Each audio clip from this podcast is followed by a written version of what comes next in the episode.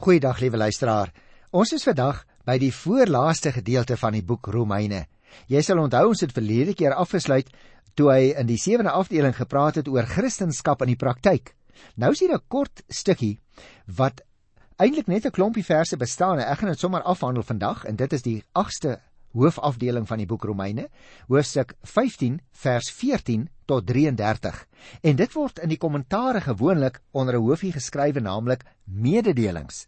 Nou ek gaan die hele gedeeltjie behandel en 'n mens sou dit ook kon indeel in twee gedeeltes, maar ter inleiding wil ek miskien net eers hierdie paar opmerkings maak, want ek dink dit is belangrik, liewe luisteraar. Paulus is die apostel wat onder die heidene gewerk het. En daarom was dit natuurlik baie belangrik dat ons eerstens sal let op sy gesindheid en dan net nou op die voorneme wat hy op hierdie stadium in sy hart gehad het.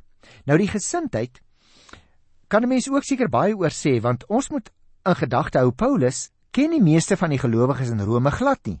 En daarom ag hy dit nodig om opnuut die gesindheid waarin hy die brief skrywe vir hulle uit te spel. Want jy sien, hulle het hom ook nog nooit ontmoet nie. En papier is baie geduldig. En nou lyk dit vir my hy wil net baie duidelik sy gesindheid, sy bedoeling wat agter sy woorde lê, wat hulle miskien verkeerd kan verstaan, hy wil net daardie gesindheid baie duidelik vir hulle uitspel. Hy beklemtoon byvoorbeeld dat hy glad nie uit die hoogte vir hulle probeer skrywe, asof hulle niks weet nie, maar dat hy juis baie waardering vir hulle het. Hy skryf ook van die besondere roeping wat God aan aan homself gegee het. Nie om daarmee te spog nie, sê hy, nie om homself te prys nie, maar as dit ware as 'n soort, wat sal jy en ek dit vandag noem? 'n soort CV, 'n soort curriculum vitae, sodat die gelowiges in Rome kan weet hoe hulle sy brief moet takseer. Hy wil hê hulle moet sy opregte bedoeling en gesindheid verstaan. En daarom wil ek eers vers 14 tot by vers 16 lees. My broers, ek is self maar al te bewus dat julle vol goeie hoedanighede is en dat julle omvattende kennis besit en dat julle mekaar self op die regte weg kan help. Tog is ek in my brief plek plek nogal uitgesproke. Dit was maar om aan julle die een en die ander te herinner. God het my immers in sy genade die voorreg gegee om in diens van Christus Jesus onder die heidene nasies te werk. Dit is my priesterlike taak om die evangelie van God aan julle te bedien sodat daar uit die heidene nasies 'n offergawe mag wees wat vir God aanneemlik is en deur die Heilige Gees geheilig is. Ag, is dit nie 'n mooi manier om homself aan hulle voor te stel nie. Hy sê julle moet tog nie dink ek wil nou vir julle 'n klomp voorskrifte stuur asof ek uit die hoogte met julle wil praat nie. My eie bediening is uit en uit onder die heidene nasies. Julle kom mos uit die heidene nasies.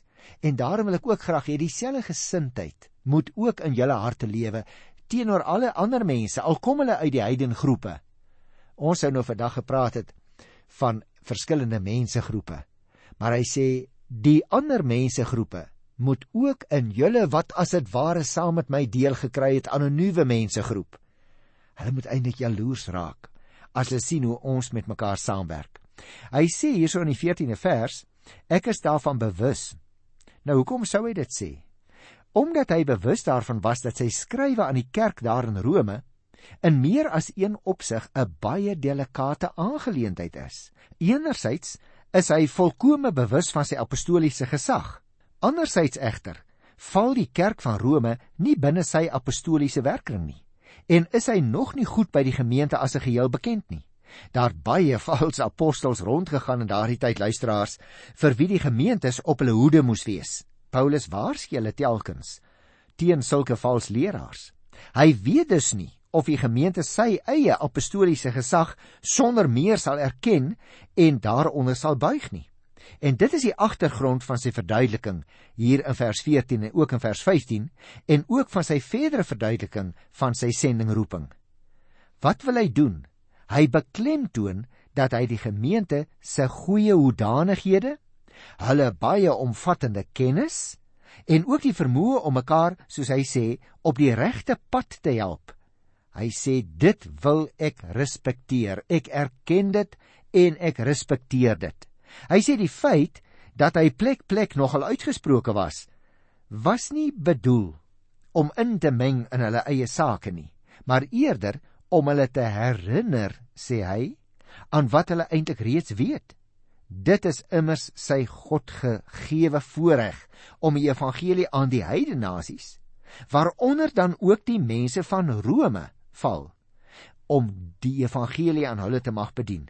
Die apostel, het jy opgelet luisteraar, beskryf dus homself in die beeld van 'n priester wat uit die heidenvolkere 'n lieflike offergawe vir God voorberei.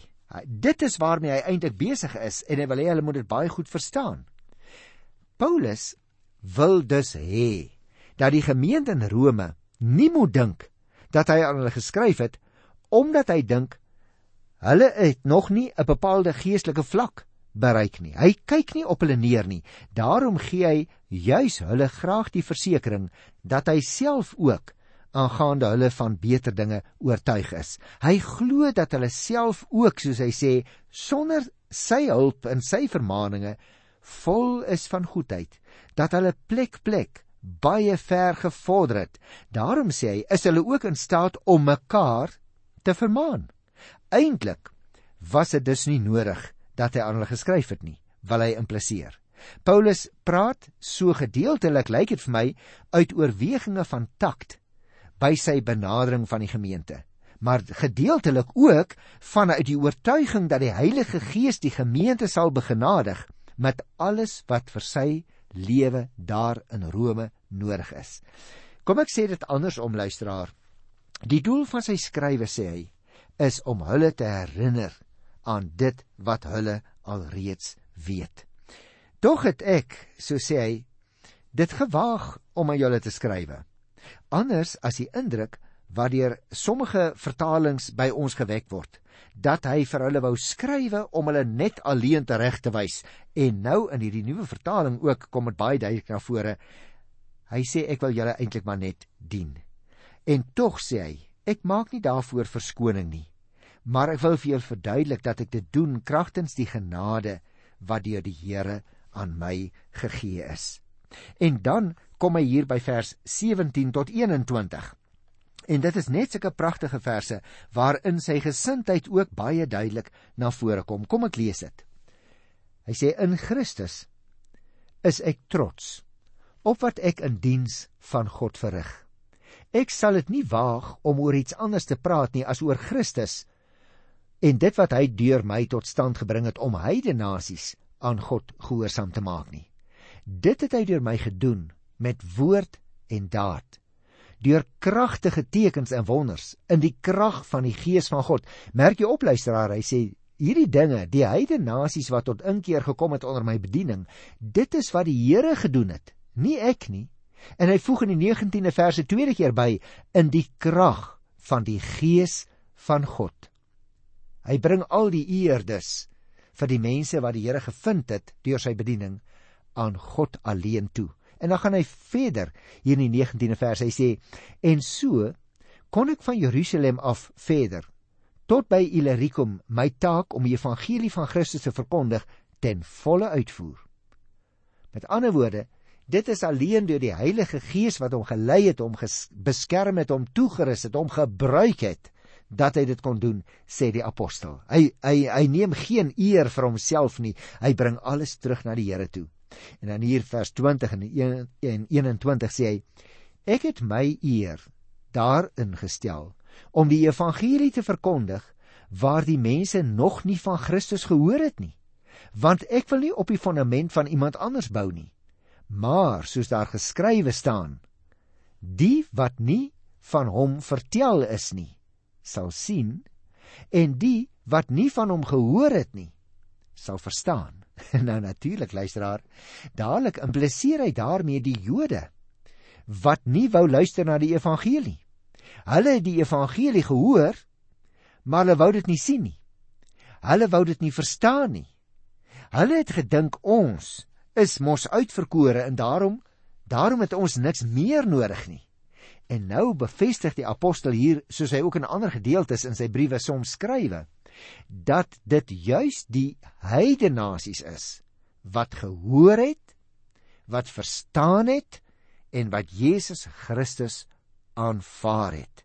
Paulus vertel met ander woorde dat hy meer van wat Christus deur hom tot stand gebring het, nie om daaroor te spog nie, maar aan hulle wil meedeel om die gelowiges in Rome te oortuig dat God hom werklik kragtig deur sy gees gebruik het en dat hy dus 'n egte apostel van die Here Jesus Christus is. Hy sê vir hulle baie duidelik in die uitvoering van sy taak het hy reeds die evangelie van Jerusalem af tot in Illyricum tussen hakies dit is daar die uh, in die noordwestelike Balkan gebied die huidige wat ons vandag ken as die huidige Joegoslawië dat hy die evangelie daar verkondig het en nou sê hy daarmee is sy taak soos hy dit in sy besondere sendingstrategie gesien het in die oostelike deel van die Romeinse ryk afhandel steeds sê hy was dit sy eer om nog ongeëvangeliseerde gebiede te bearbei en telkens self die fondament vir die kerk van die Here Jesus Christus daar te lê. Dit bring ons aan die einde van hierdie eerste gedeeltjie wat ek vandag wil behandel, naamlik sy gesindheid. En ek dink hy het dit nou baie mooi verduidelik in watter gesindheid hy aan hulle skrywe, nie hoofvaardig nie, maar om seker te maak dat hulle al die skrifwaarhede verstaan. En tweedens, hy sê julle kan my toets. Ek het in dieselfde gesindheid in opregtheid die evangelie aan nie gelowiges gaan verkondig. Ek het persoonlik self die fondament gaan lê. Daarom kan julle ook die egtheid van my apostelskap toets aan dit waarmee ek my besig gehou het en sê hy deur die genade van God tot stand kon bring. Daaraan kan julle my toets. En nou kom hy in die volgende versies hier by vers 22 tot 33 by 'n ander afdelingkie. Hy sê julle wat? Ek het 'n plan om julle daar te besoek in Rome. En nou het ek 'n versoek wat ek aan julle wil rig terwyl ek besig is met my voorbereiding om julle te besoek. 'n Versoek wat ek tot julle wil rig vir voorbidding. Nou, liewe luisteraar, voordat ek behandel dit behandel wil ek miskien net sê, die rede hoekom Paulus vroeër nie by die gelowiges in Rome kon uitkom nie, sal jy onthou ek het dit verduidelik toe ons gepraat het by die inleiding oor die agtergrond van hierdie brief. Nou die rede hoekom hy nie by daai ouens kon uitkom in Rome nie, was omdat hy eers wou klaarmaak daarmee om die evangelie te verkondig waar die mense nog nie van Christus gehoor het nie. Het hy hier in die 20ste vers gesê. Met ander woorde, die werk in die ooste is nou klaar.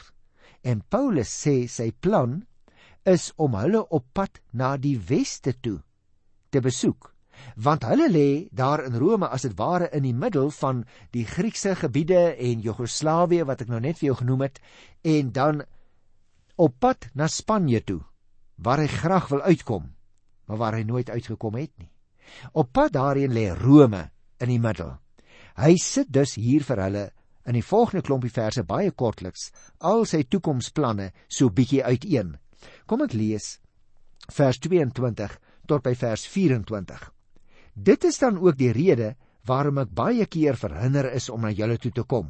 Maar nou is daar nog vir my in hierdie streke nie meer 'n nuwe arbeidsveld nie. En ek koester al baie jare die begeerte om julle te besoek as ek na Spanje toe gaan. Jy sien daar skryf hy dit baie pertinent.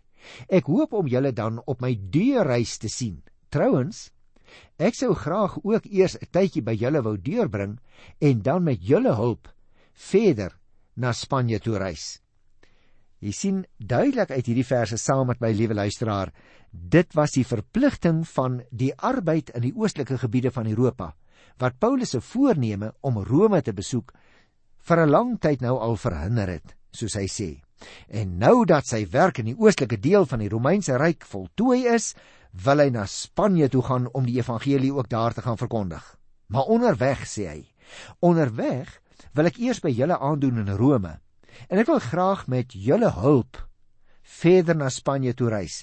Nou waarskynlik, liewe luisteraar, hoop Paulus op hierdie stadium dat die gemeente van Rome gewillig sal wees om as sy tuisbasis te dien en hom met gebed en ook die nodige stoffelike middele te ondersteun, net soos die gelowiges in Antiochië dit voorheen op sy sendingreise daar na die ooste toe gedoen het. Hy skrywe die brief waarskynlik uit Korinte. Want jy sal onthou, ek het al vir jou vertel, die apostel was 3 maande in Agaia Jy kan gerus ook gaan kyk in Handelinge 20 vers 3 en hy het waarskynlik die grootste deel van die tyd in Korinte deurgebring. Nou kom ons by vers 25 en 26. Hy sê: "Maar nou as ek eers op pad Jerusalem toe met geldelike hulp vir die gelowiges daar. Die gemeentes in Macedonië en Agaia het dit naamlik goed gedink om iets by te dra vir die armes onder die Christusgelowiges in Jerusalem." Dit is 'n wonderlike boodskap wat hy al vroegtydig aan hulle deurgee daar in Rome, nie waar nie? Dat ook die arm gelowiges in Agaia bereid was om bydraes te maak vir die Christene daar in Jerusalem wat baie swaar kry en wat ook baie arm is. Tussen hakies luisteraar, die Griekse woord wat Paulus vir die bydra hier in vers uh, eh, 26 gebruik, bevat die gedagte van gemeenskap van gemeenskaplike verbondenheid. Die kollekte is dus 'n uiting van hierdie verbondenheid wat die Grieke daar in die verte belewe, naamlik dat hulle ook deur die geloof verbonde is aan die Christene in Jerusalem en daarom wil hulle hulle graag help. Nou luister jy by vers 27. Hulle het self so besluit en hulle is buitendien ook verskuldig. Ek herhaal, en hulle is dit buitendien ook verskuldig want as die gelowiges uit die Jode hulle geestelike rykdom met die heidene nasies gedeel het is die gelowiges uit die heidene luister nou by baie mooi is die gelowiges uit die heidene dit aan die gelowiges uit die Jode verskuldig om hulle met stoffelike hulp by te staan. Jy sien te gelyk is dit ook die bewys van erkenklikheid vir die feit dat die gelowiges uit die Jode hulle geestelike rykdom met die heidene nasies gedeel het. Nou natuurlik, dit is bekend dat die gelowiges in Jerusalem en Judea in hierdie tyd ekonomies baie swaar gekry het. 'n Feit wat enerzijds deur 'n verstedelikte situasie, maar anderzijds deur hongersnood as gevolg van swak oeste in daardie omgewing in Israel veroorsaak is. Toestande het veral in die Sabbatsjare krisisafmetings aangeneem. En ons het baie goeie rede, liewe luisteraar, om te aanvaar dat die apostel hierdie insameling juis tydens so 'n krisistyd in die lente van die jaar 56 na Christus in Jerusalem wou gaan aflewer. Want jy sien ook uit die geskiedenisbronne buite die Bybel, weet ons dat in die jaar 56 na Christus daar baie groot hongersnood en armoede was in Palestina. Kom ons luister na vers 28 en 29. As ek daarmee klaar is en die volle bedrag wat ingesamel is veilig aan hulle besorg het, sal ek by julle langs na Spanje toe reis. Ek weet dat as, as ek na julle toe kom, dit met die volle seën van Christus sal wees. Nou, liewe luisteraar, na die veilige aflewering van hierdie insameling wou hy via Rome na Spanje toe reis Nou wil ek dadelik weer vir jou sê, of hy inderdaad uiteindelik daar gewerk het, weet ons nie, dit val te betwyfel. 'n Opmerking in die brief van 'n ou kerkvader met die naam van Clemens wat daar in Rome gewoon het. Blyk dit vir ons asof Paulus in sy preekarbeid tot by die uiterste grens van die weste, soos hy dit noem, in Rome in Romeine 5 vers 7 gekom het. Nou, dit is wel moontlik dat hy dus daar was. Die tradisie wys selfs die stad Tarragona op Spanje se ooskus aan as die plek waar hy begin werk het.